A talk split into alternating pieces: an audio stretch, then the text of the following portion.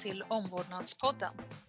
Det här avsnittet handlar om kultur och kulturell kompetens. Jag heter Johanna Ulvarsson och har bjudit in två mycket inspirerande personer som ska hjälpa till att reda ut området. Begreppet kulturell kompetens går ut på att alla människor oberoende av kulturell härkomst respekteras och att en icke-diskriminerande atmosfär byggs upp och värnas om. Inom vården är detta mycket viktigt eftersom vi arbetar personcentrerat. Ibland kan man höra att kulturellt kompetent omvårdnad behöver vara skräddarsydd. Jag vill hälsa mina gäster välkomna. Det är Maria Girve som är intensivvårdssjuksköterska, forskare och professor i omvårdnad. Tack. Och Lena Kreuk, distriktssköterska, doktor i omvårdnad och renägare. Tack. Eh, och då blir man ju lite nyfiken Lena. Hur kommer det sig att du har renar? Jag är eh, same själv och född i en renskötarfamilj. Och eh, eh, jag driver då ett renskötselföretag tillsammans med min man och mina söner. Jobbar med djur alltså, jämte min, mitt arbete på Glesbygdsmedicinskt centrum. Ja, vad spännande. Det måste vara skön kontrast kan jag tänka mig. Eh, men vi ska inte prata om djur och renar idag utan vi ska prata om eh, då eh, bland annat det du har forskat på Lena. Eh, du har forskat på vård i slu livets slutskede hos samer. Eh, kan du berätta hur kom du på det här? Vad, vad, eh, vad, vad handlar din forskning om? Ja, den handlar om precis som du sa, samer och livets slut. Alltså det kanske handlar mer om kulturella uttryck och hur man vill ha det i livets slut. Och det här kom jag i kontakt med 2015 när man sökte en doktorand med intresse för, för samiska frågor och livets slut på ett program som heter Dö bra som drivs, eller drivs tillsammans på Karolinska institutet och Umeå universitet. Och då hade jag förmånen att få den tjänsten, så det, det var så det gick till. Men vad fick dig att eh, söka? Och, och just att det handlar om eh, samer i livets slutskede? Ja, forska hade jag velat göra ett tag. Jag hade sökt åtminstone en tjänst tidigare som var faktiskt på, inom ett liknande område, men i Norge. Eh, så att ja, jag hade väl intresse för det och intresse överhuvudtaget för samiska frågor och hälsa därför att det är så understuderat och eh, jag ser så stora behov av att eh, forska och ta reda på vad är behoven, vad finns det för behov, hur ser det ut? Det är ganska, eh, de studier som finns, det är en del kvantitativa studier, men eh, det finns mycket att göra här. Ja. Så det var spännande att få ta tag i. Eh, jag har förstått att det finns mellan 20 och 40 000 samer i Sverige, att det är svårt att sätta en direkt siffra på det. Och samer, de är ju både urbefolkning och minoritetsgrupp. Hur ska man tänka då när det gäller minoritetsgrupper, tänker jag, eh, lite bredare och vård? Maria, vill du svara på den ja, frågan? Eh, ja, alltså man kan väl säga så här att det är ju väldigt ofta när man pratar om etniska minoriteter att man tänker på folk som kommer från andra länder än Sverige då i vårt fall. Eh, och jag kan ju hålla med Lena om att det här med samer som en etnisk minoritet, det är ju en bortglömd grupp, helt klart, i vården. Och vi har ju lärt oss själva, vi som har gått vår sjuksköterskeutbildning och andra vårdutbildningar också, det är en grupp som man aldrig har pratat om tidigare egentligen, utan vi pratar om personer som kommer från ja, olika sydliga europeiska länder eller asiatiska länder eller vad det nu kan vara ifrån. Eh, och vi har ju alla ett, en, en, kulturell ryggsäck med oss. Vi har ju våra värderingar, vi har våra normer som vi har med oss och de blir ju extra viktiga när eh, framförallt i döendet och när någon håller på att dö. Då är det extra viktigt. Så hur ska man tänka då? Är det etnicitet eller kultur som är fokus när man pratar om kulturell kompetens? Eh, man kan väl säga så här att det finns ju olika begrepp som man använder och ofta när man pratar om kultur och etnicitet så pratar man många gånger om samma sak. Eh, man, de, man använder dem i princip på samma sätt och man menar samma sak. Ehm, så jag skulle vilja säga så här att etnicitet betyder, det är egentligen mer en social indelning och handlar mer om att man känner en tillhörighet till en grupp människor.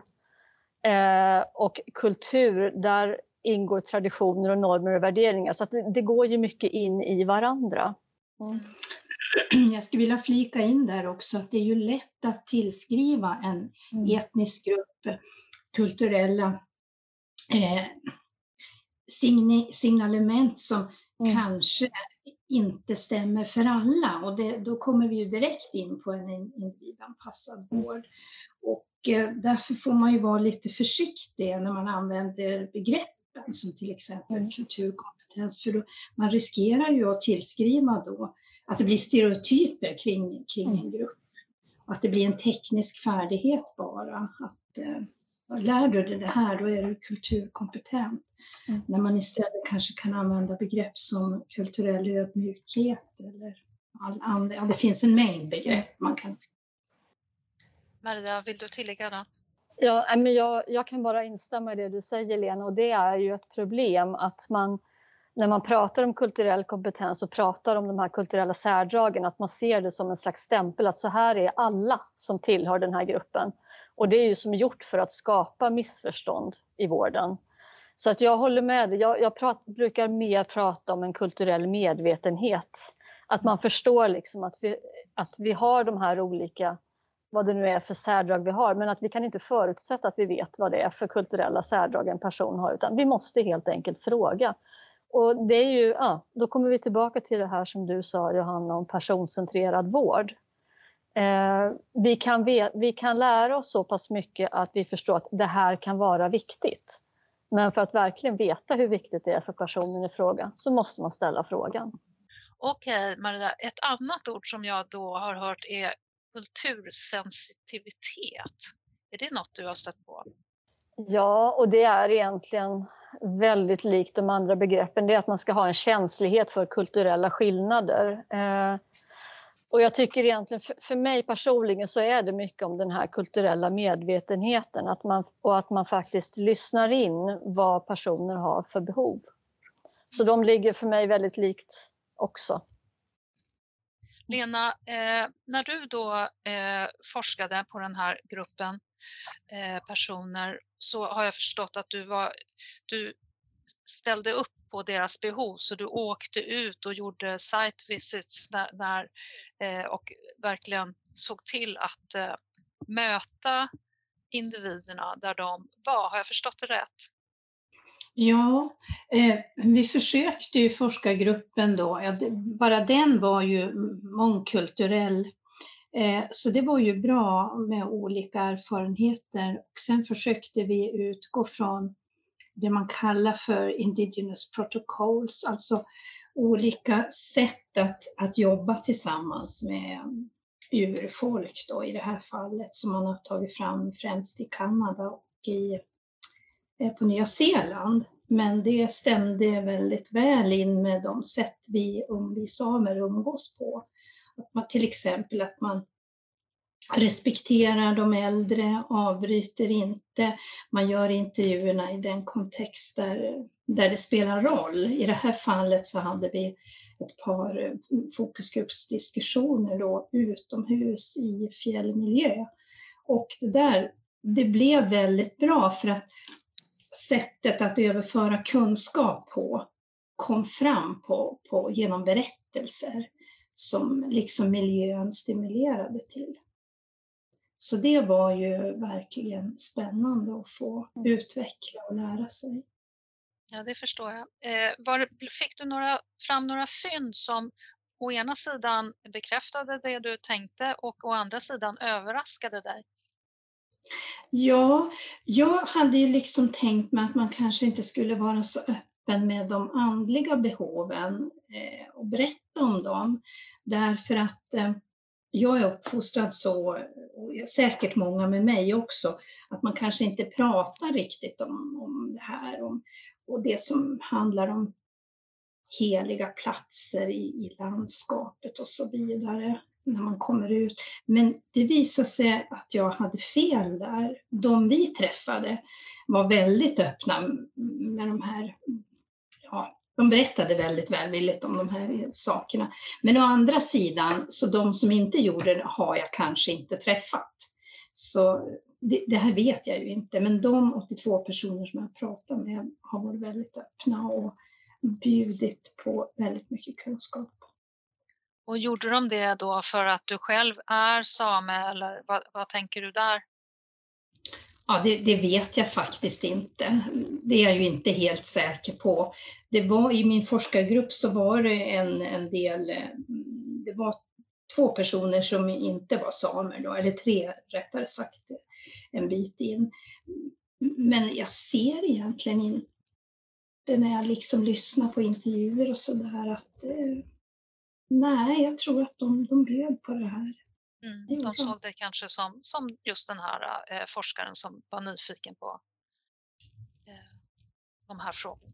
Ja, och sen eh, på något sätt så värderas ju den där kunskapsöverföringen i mitt samhälle väldigt högt. Och många är vana också vid att informera om, om oss, om oss samer, så att, eh, det kan ju också spela in kanske.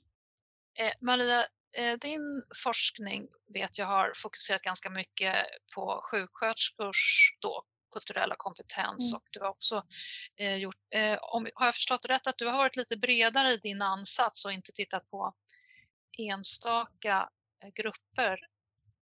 Och Precis. Det, hur, hur, hur, hur beskriver du din forskning och eh, varför du ens började en gång i tiden? Ja, varför började jag ens en gång i tiden? Det var för många år sedan jag jobbade inom neonatalsjukvården där det var framförallt två mammor som fastnade väldigt starkt i mig. Och den, båda eh, mammorna fick barn som föddes med hjärtfel som inte gick att operera och inget av barnen skulle överleva. Och den första mamman, hon kom från ett annat land än Sverige och hon blev såklart helt förtvivlad över det här beskedet. Eh, och hela hennes sorgereaktion alltså, tolkade vi i personalen som att det var en kulturellt sätt att sörja. Men sen så hade vi några veckor senare en mamma som då var etnisk svensk, om vi nu ska använda det begreppet, som reagerade på exakt, exakt samma sätt. Och då förklarade vi som att det var en normal sorgereaktion. Och det här fick mig att börja fundera. Eh, just det här att man använder kulturen som en förklaringsmodell när man inte kommer från majoritetsbefolkningen. Mm. Så att jag har försökt att tänka lite bredare så här att det är kanske alltså att man tillhör någon annan än majoritetsbefolkningen, att det är det som är det gemensamma. Um, och jag har ju som sagt dels beforskat sjuksköterskor och deras upplevelser kring det, men sen har jag även doktorander som har intervjuat och framförallt föräldrar i det här. Och det var därför jag kom in på det här som Lena pratar om och som jag kommenterar att just att när, när när barnen då blir så pass sjuka att de kanske inte ska överleva, då blir det väldigt viktigt, den här kulturella bakgrunden, det här med traditioner och värderingar som man har med sig. Men att så länge barnen inte är jättesjuka, då, då är det inte lika viktigt i mötet med sjukvården, utan då vill man ju ha det här riktiga, eh, känna att det är kunnig personal, de kan sitt jobb. Liksom. Men just när man kommer till det här palliativa och det här döendet, då är det väldigt viktigt. Mm. Mm.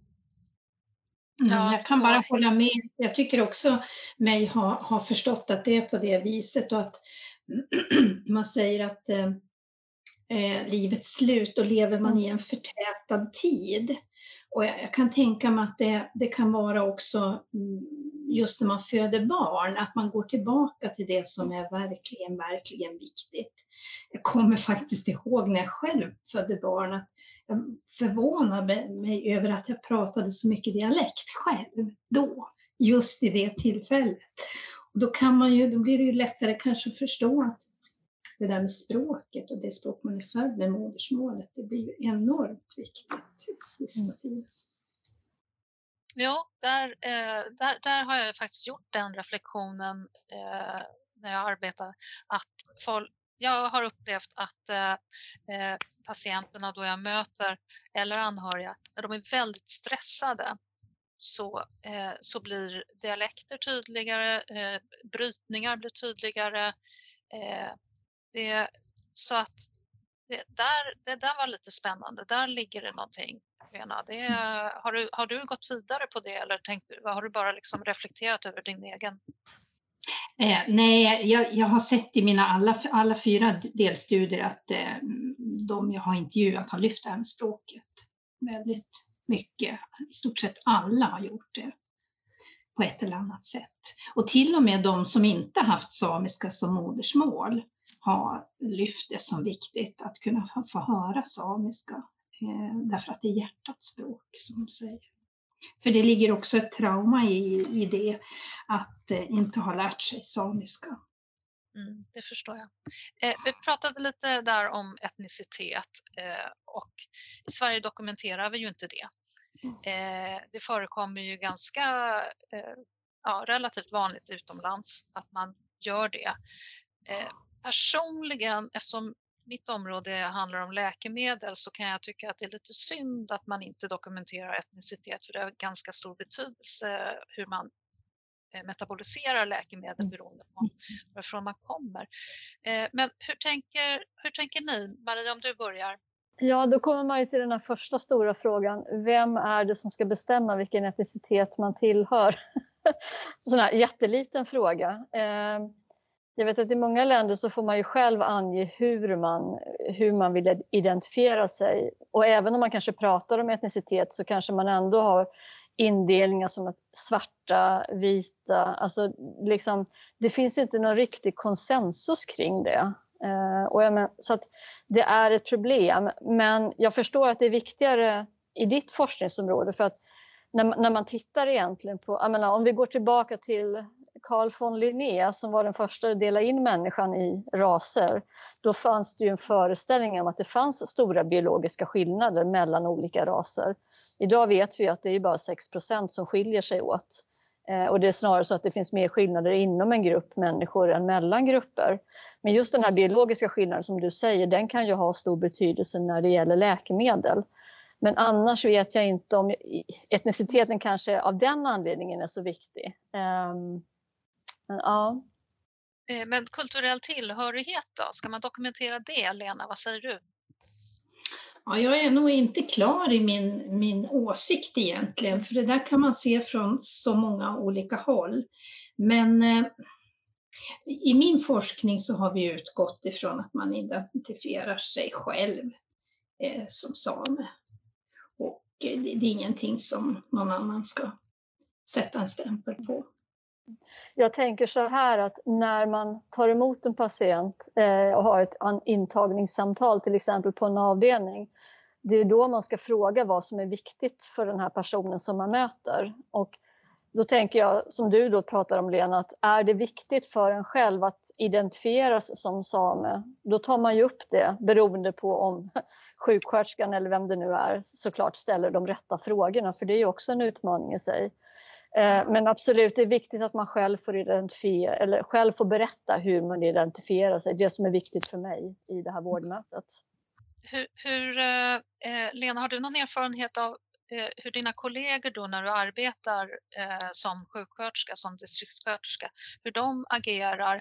Eh, är det här känt att det finns kulturella skillnader?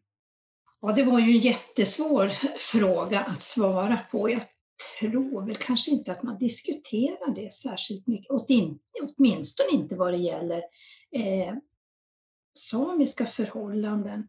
Och där kan jag väl ändå känna att vore det någon som hade någon, något negativt att säga så skulle de inte säga det till mig i alla fall. Och då, då blir man ju lite sådär kanske, ja men alla har ju rätt till en lika vård och då menar jag inte att den ska vara, se likadan ut för alla människor utan att den ska vara jämlik va, utifrån mm. dina behov och din kulturella tillhörighet. Men det här vet jag egentligen ingen, inte, inte, jag har inte forskat om det så det, det, vet jag inte. Det blir ju bara vad jag kan tänka efter en lång erfaren, klinisk erfarenhet. Mm. Vad säger du Maria? Nej, men jag kan ju hålla med dig där Lena, för att eh, det är ju som du säger, vi, det finns ju liksom inte en vård som passar alla. Men däremot ska ju målet vara detsamma. Om det nu handlar om att man ska behandla ett sår tills det läker, då är det det läkta såret som är liksom slutmålet och det ska ju vara lika. Men vägen dit kan ju se väldigt olika ut. Jag tänker när vi pratar här om kulturell kompetens eller medvetenhet eller sensitivitet, eh, vad vi landar i. Eh, är det så att om man säger som till exempel Lena, att man är eh, kompetent inom en då kultur, eh, hyfsat kompetent, så har man då bättre förutsättningar att bemöta även andra eller att bli kompetent inom även andra kulturer? Eller är det inte alls så det fungerar? Vem vill ta den bollen? Jag kan ta den bollen, jag kan börja i alla fall. Jag skulle säga så här att resan börjar hos en själv. Eh, först måste man fundera över vad är det som, vad består min kultur av, eller min kulturella ryggsäck, vad är det som har format mig? För det är utifrån det som jag bedömer och möter andra. Och när man själv förstår att det är därför som jag tänker som jag gör eller det är därför jag reagerar som jag gör, då är man också mer öppen för att ta till sig och förstå andras likheter och för, eller olikheter och förstå att det finns olika saker som är olika viktigt för olika människor. Alltså, jag tror att den här grundförutsättningen är har man den, den kulturella medvetenheten, då är det också lättare att möta personer från andra kulturer. Men om man tänker istället att man ska behandla andra som jag själv vill, vill bli behandlad, då är man ju lite fel ute. Då har man ju problem. Nej, precis, och, och jag tänker att, att eh, patienten eller brukaren eller vad det nu är har ju rätt till en kulturellt trygg och säker vård. Också samtidigt som det ligger hos den vårdande, precis som du säger Maria, att det startar ju hos en själv. Mm. Och om man inte kan reflektera över sina, sina egna kulturella behov och sin identitet, då måste det ju vara svårt att eh, göra det eh, framför den man möter. Jag kan bara ta ett exempel. Jag hade en diskussion med sjuksköterskestudenter för flera år sedan där vi diskuterade just det här med kulturella aspekter i vården och att involvera närstående i vården. Och då var det i den här gruppen med studenter så var det både studenter som inte var födda i Sverige och framförallt en eh, kvinna kommer jag ihåg, hon hade sina rötter i något centralafrikanskt eh, land. Och hon sa så här att av respekt för min mamma så skulle jag aldrig låta någon annan vårda henne, alltså det här med personliga hygienen och så. Eh, och medan då en svensk kvinna, en etnisk svensk kvinna i den här gruppen sa utav respekt för min mamma så skulle jag aldrig vilja ge den här personliga vården till min mamma. Och det gjorde också att helt plötsligt fick de upp ögonen för att båda gjorde det av respekt för sin mamma men utgången blev helt olika. Och det här, det här behöver man ju ha i åtanke. Det, jag tyckte att det exemplet visar så tydligt att vi, målet är detsamma men vi gör det på helt olika sätt. Ja, eh, jag vet eh, Lena, du var lite grann inne på det och jag vet att Maria eh, också har pratat om det i andra sammanhang. Det här första mötet med en annan person. Är det någonting man ska tänka på oavsett då vem man möter? Det kanske är en, en kollega eller en, eh, en patient eller en anhörig, tänker jag. Är det någonting som man kan liksom ha med sig mm, jag kan ju börja försöka, som det jag har haft som en ledstjärna när, under mitt eh, verksamma yrkesliv som distriktssköterska. Det är ingenting jag har haft med mig i forskningen på det viset. Men jag har tänkt, för jag har haft förmånen att få jobba som distriktssköterskor gjorde tidigare, alltså från vaggan till graven. Åka på hembesök till nyfödda, till barn, till äldre och även ha dem på min mottagning. Och då har jag satt nästan en utmaning, eller en konst, jag skulle vilja kalla det för en konst, att möta en människa. Hur ska jag vara nu? Hur ska jag vara i det här hemmet för att vara jämlik och jämbördig? Hur ska jag prata med den här människan om det som den människan tycker är intressant och kan öppna upp sig så på förvisso. Varje gång jag har öppnat dörren till ett nytt hem har jag haft det där tomma bladet framför mig. Vilken roll ska jag spela nu? Man kan ju säga att man spelar en roll, men egentligen kanske det handlar om att vara sig själv.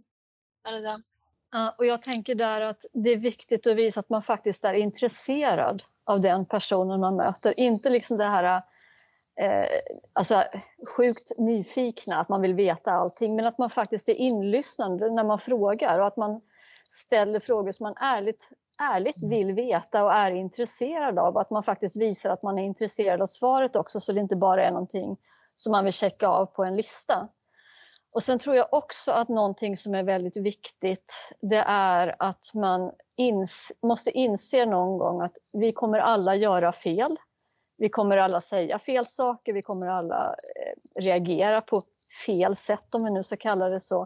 Men att man då faktiskt också kan säga att Nej, men jag är ledsen, det där kom ut fel, jag skulle inte sagt det på det sättet. Att man faktiskt också ser att eh, man kan lära sig av den personen man möter. Mm.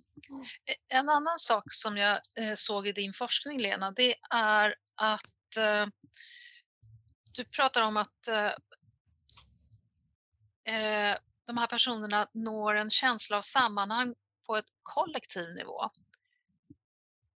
Och det tyckte jag lät otroligt spännande eftersom jag inte har eh, varit i de tankarna alls. Berätta! Ja, det där det var, det var ju faktiskt en svår fråga du ställde nu. För det där är ju, det hör ju samman då med, med salutogenes och att eh, se det friska och en känsla av sammanhang. Och det där fick jag anledning då att diskutera med mina handledare, ganska viktigt. Och, och, alltså ingående. Och, och till och med då Aron Antonovsky som har skrivit det här är ju inte riktigt eh, tydlig eller riktigt, som jag förstår det, riktigt säker på att man kan ha en, en kollektiv känsla av sammanhang. Men jag eh, tycker i min forskning mig se att man kan ha det. Och speciellt när det gäller eh, då familjebildning och roller man har i släkten och hur de här samverkar kring den eh, döende personen och hur man där också kan identifiera det som jag kallar för brobyggare som kan samverka mellan det samiska samhället och eh, majoritetssamhället. Så om jag är lite otydlig i mitt svar där så beror det nog på att, att eh, det här kom fram sent i min forskning och jag är inte riktigt klar över det ännu. Men jag tycker mig se drag av en kollektiv känsla av sammanhang. Spännande. Maria, är det någonting du har eh, reflekterat över, stött på, i alla fall nu när du hör det? Kan du tänka tillbaka att oj, Ja, alltså det jag funderar på lite bara det är om det har...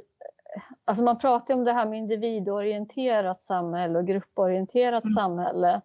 Om det är att det här kollektiva samhörigheten, om, om det är för att eh, samer ofta lever kanske mer grupporienterat än vad många av oss etniska svenskar kanske gör idag, från majoritetsbefolkningen.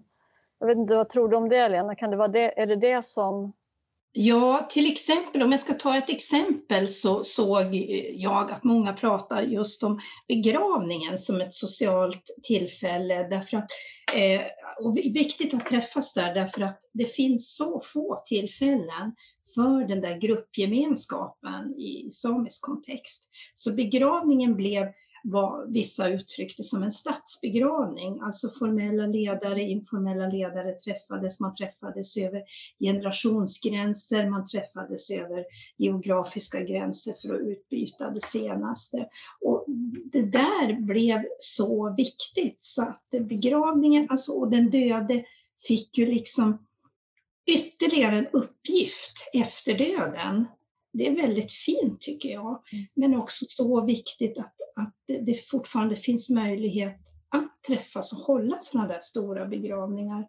Nu är det ju svårt att till exempel få en begravning på en helg, utan det är torsdagar, fredagar kanske, och det begränsar kanske en del från att resa långa vägar och kunna mötas.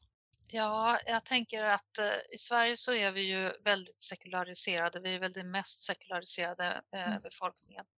Och eh, då tappar man ju mycket av de här ritualerna som jag själv har sett och jag är ju också barnsjuksköterska och där, där, blir det så uppenbart när föräldrarna ber om att få ett nöddop om, om barnet är döende och de ännu inte har hunnit eh, döpare och, och att, att de, de liksom ritualerna blir väldigt, väldigt viktiga. Och då tänker jag, eh, Maria, det här som du också sa, att fokuserar vi för mycket på den enskilda individen, inte, inte bara i vården, men, men det är ju vården lite grann vi utgår ifrån, men i samhället och så glömmer vi bort de sociala aspekterna av en människa. Eh, ja, det, det skulle jag nog vilja hålla med om och det kanske märks ännu mer idag i den tiden vi lever med vår pandemi. Så, alltså att, att det blir väldigt fattigt när vi inte har de här sociala relationerna längre och många mår ju väldigt dåligt av det. Så att jag kan nog se att det finns en risk med att vi har blivit så sekulariserade som vi har blivit. Att var och en ska vara sig själv närmast på något sätt. Eh, och och många är ju när de blir sjuka, kanske vill ha någonting mer. Men ja, det är så dags då. Och där kan väl jag se, som du säger då Lena, att där, har, där många samer har ju en helt annan tradition där som kanske till viss del påminner om så som vi hade tidigare i bondesamhället när det gällde majoritetsbefolkningen med de här större sammankomsterna och sånt. Men vi har ju helt gått ifrån det till mångt och mycket när vi har flyttat in i storstäderna istället. Och jag tror att eh, framförallt när man hamnar i sådana svåra, svåra sjukdomar eh, och, och, när någon kanske dör, att då, då står vi väldigt ensamma idag. Och det tror jag är en brist. Ja, jag, jag, håller med där och eh, jag har ingen aning om hur man kan göra någonting åt det. Men däremot så är det väl väldigt viktigt att man just lyfter eh, frågan. Eh, det, det, gör ju ni bägge två, eh, fast då liksom utifrån eh, här, att se på eh, andra kulturer. Eh, något annat som jag tycker är jättespännande som eh, jag också hörde dig Lena nämna, det är den här informella vården. Att den ser olika ut, eller gör den det? Snarare min fråga. Ser den olika ut i olika kontext? Och eh, du kan ju börja Lena utgå ifrån hur ser informell vård ut i, i den miljön som du har beforskat? Ja, jag har inte kvantifierat den, men, men jag hade en, eh, en teori från början om att det är en viss utpekad person i släkten som har huvudansvaret för vården i den bästa av världar. För det är klart att alla har inte en stor släkt att tillgå, utan Ehm, det, det, är klart, det, det är individuellt. Ehm, men det stämmer faktiskt, kanske inte att det är en speciell person som, eh, som gör det, men ändå att det formaliseras ut någon som kanske har huvudansvaret. Och, och, och många av de som jag pratar med eh, berättar berättar om hur de har organiserat vården på något slags sätt. Att någon har tagit huvudansvar, någon sköter det, någon annan sköter kontakterna, någon kanske håller på med, med matlagning, praktiska göromål. Och när det här fungerar och man får ett eh, bra stöd ifrån majoritetssamhället, då blir det här bra. Men eh, om inte det här funkar, om inte majoritetssamhället ställer upp och man kanske har en, en svag familj eller ingen familj som kan föra ens talan, då är, då är det ju sämre. Då måste det finnas säkerhetssystem som hjälper upp, annars blir det inte bra. Maria? Ja, och där är det väl där är väl en brist som, som man då kan se kanske mer bland sekulariserade, att det inte finns det här kontaktnätet runt, utan man står ju väldigt själv eh, Eh, i sjukdom. Eh, och jag kan ju se utifrån tidigare min kliniska erfarenhet att fanns det någon som var sjukvårdsutbildad inom den närmsta familjen så var de på något sätt den som fick vara den här kontaktpersonen för vården. Eh, men, men sen så kommer vi också in på det här med som ligger dig varmt om hjärtat, Johanna, med, med, läkemedel, att vi idag mer och mer kanske använder oss av naturläkemedel och liknande. Det är också sånt som kommer in i den här kanske mer informella vården, om vi nu ska kalla det för det, men som kanske egentligen har jättestor betydelse. Och som vi, som jag tänker att vi, vi glömmer ju bort. Vi kanske börjar bli mer medvetna om det, men det finns ju faktiskt många naturläkemedel som interagerar med de vanliga läkemedlen. Och det här är ju någonting som också är viktigt att ta till sig och ta in i det här eh, informella vårdandet, om vi nu vill kalla det för det. Och att man är medveten om att det förekommer så man måste ställa frågan. Exakt, vi kan ju inte förutsätta att, att patienten eller personen som vi möter berättar det, utan vi måste ställa, och då kommer vi tillbaka till det här lite med kulturell kompetens och kulturell medvetenhet, att vi behöver vara medvetna om vilka frågor som är viktiga att ställa, för att det kan finnas viktig information där bakom. Jag behöver inte kunna vad eh, en person från eh, Albanien till exempel, vad de har för ritualer eller vad de har för naturläkemedel. Men jag behöver förstå att jag kanske ska ställa de här frågorna. Och det är det jag tycker som är det viktiga budskapet egentligen, att lära sig vilka områden det faktiskt är viktigt att ställa frågor kring. Eh, och hur tänker ni när det gäller fördomar? Fördomar har vi alla. Eh, vi vill inte tro att vi har fördomar, men vi, det har vi. Det, det, är naturligt, det är mänskligt att ha fördomar. Ehm, det viktiga är att faktiskt bli medveten om vilka fördomar vi har så att vi inte bemöter och agerar utifrån dem. Det, det, alltså när vi möter en människa som vi aldrig har träffat innan då försöker vi omedelbart förstå vad är det här för person som jag möter? Vilket, vilket fack passar de in i? Är det en man? Är det en kvinna? Är det en äldre person? Är det en yngre person? Allt det här gör vi liksom omedvetet. Eh, det viktiga då tycker jag är att ta det här mentala steget tillbaka och, och förstå att ja, men nu, nu, är jag där igen och eh, försöker tolka någonting utan att ställa mina frågor. Så att då kommer vi tillbaka till det här, vikten av att ställa frågor och inte agera bara och tro att vi vet hur den andra personen vill bli bemött. Håller du med Lena? Ja, jag håller verkligen med. Och det där är väl det där, det där får man ju lära sig gång på gång genom livet, mm. att kära någon, vilka fördomar jag hade. Och just att bli medveten om dem själv, det kan ju både vara smärtsamt, men jag tror att det är ofantligt viktigt. Ja, det är utvecklande. Jag håller verkligen med att eh, ibland så vill man bara stoppa huvudet i skämskudden mm. eh, när, när, det går upp för en. Eh, jag tänkte byta tråd här lite grann. Jag är också inne, förutom läkemedel, så är jag väldigt inne på e-hälsa och digitalisering.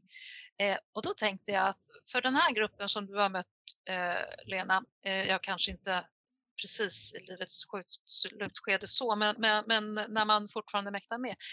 Tekniken borde vara en fantastisk möjlighet för samer att de får vård och råd på distans och de kan ju dessutom välja det språk då på ett helt annat sätt som de föredrar. Eller hur, hur tänker du?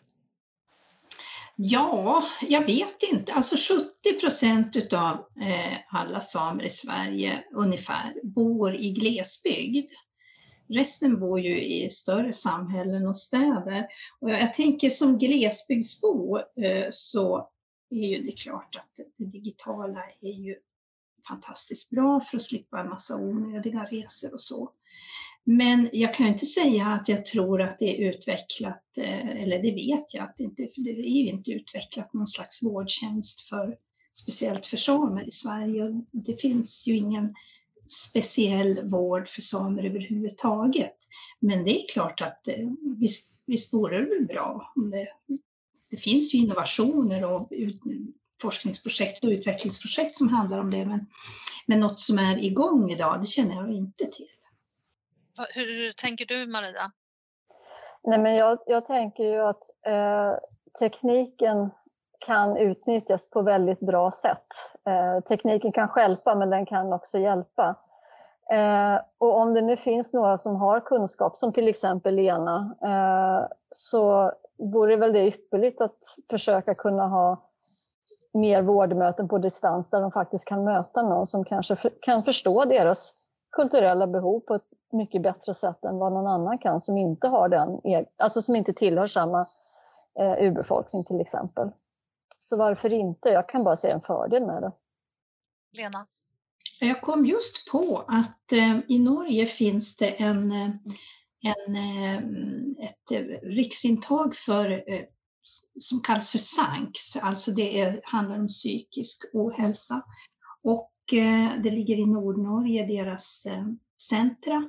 Men jag vet att åtminstone några regioner i norra Sverige har avtal med SANKS för eh, behandling bland annat av psykisk ohälsa för samer eh, med det här SANKS.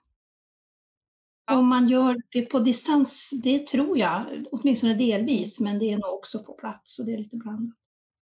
Det var precis det som var min fråga, för att jag har också hört talas om det just och vet att eh, samer från Sverige kan få hjälp i Norge just när det gäller mm. den psykiska ohälsan. Eh, men, men, jag eh, har först, jag, det, du kanske vet det bättre, men jag har förstått det som att det är mer på plats. Men det vore ju ypperligt om det fanns även via distans och om inte så borde det ju verkligen utvecklas så att alla har möjlighet att få den hjälpen. Absolut. Mm, verkligen. Mm. Eh, jag måste tyvärr börja avrunda. Jag hade kunnat fortsätta och prata väldigt, väldigt länge mer känner jag. Men jag tänkte som avslutning om var och en av er skulle kunna berätta om ett minnes, eh, som, eller ett möte som ni minns. Något som gjorde avtryck. Det behöver inte vara positivt eller negativt sådär, utan ett, gjorde avtryck. Ja, men jag tänker, tänker de här uh, mammorna som jag berättade om tidigare. Uh, de har ju, alltså, som reagerade på precis samma sätt egentligen, men där vi hade helt olika förklaringsmodeller till deras uttryck för sorg. Och det på något sätt har ju funnits med mig genom hela min forskningsresa. Det var ju lite det som gjorde att jag började intressera mig för det här med kulturella skillnader och likheter. Eh, så jag måste säga att det vårdmötet eh, formade min forskningsbana väldigt mycket, även om jag inte förstod det då. För det var ju först 10-15 år senare som jag kom in på forskningen. Eh, men det har gjort att jag verkligen har förstått risken med att eh, förklara någonting som att det är kulturellt betingat. Lena, mm. har du något? Ja, men jag kommer faktiskt ihåg en händelse. Jag utbildade mig till skötare inom eh, psykiatrisk vård som väldigt ung och jag minns att jag gick elev på en avdelning, det var en, jag tror att det var en kirurg eller medicinavdelning tillsammans med min handledare som hon var danska, kommer jag ihåg. Och eh, då var det en äldre man som fick besök av sin kusin och han frågade efter, den här besökande frågade efter hans rum och jag frågade vem han var och han berättade att han var eh, kusin då till den inneliggande så jag visade in honom på en gång.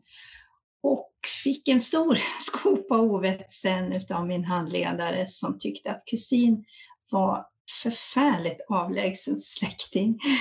Och jag minns att jag förstod ingenting varför hon reagerade så.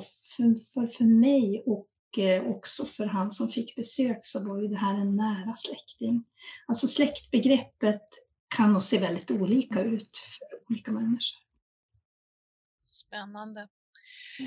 Tack så jättemycket Maria Girve och Lena Kroy för att ni ville komma hit och delge om era fantastiska erfarenheter och det här gav i alla fall mig mer smak. Jag vill lära mig och höra mycket, mycket mera om det här. Tack! Tack! Tack! Du har lyssnat på Omvårdnadspodden, en podd producerad av Svensk sjuksköterskeförening. Fler avsnitt hittar du på vår hemsida, Youtube eller där poddar finns.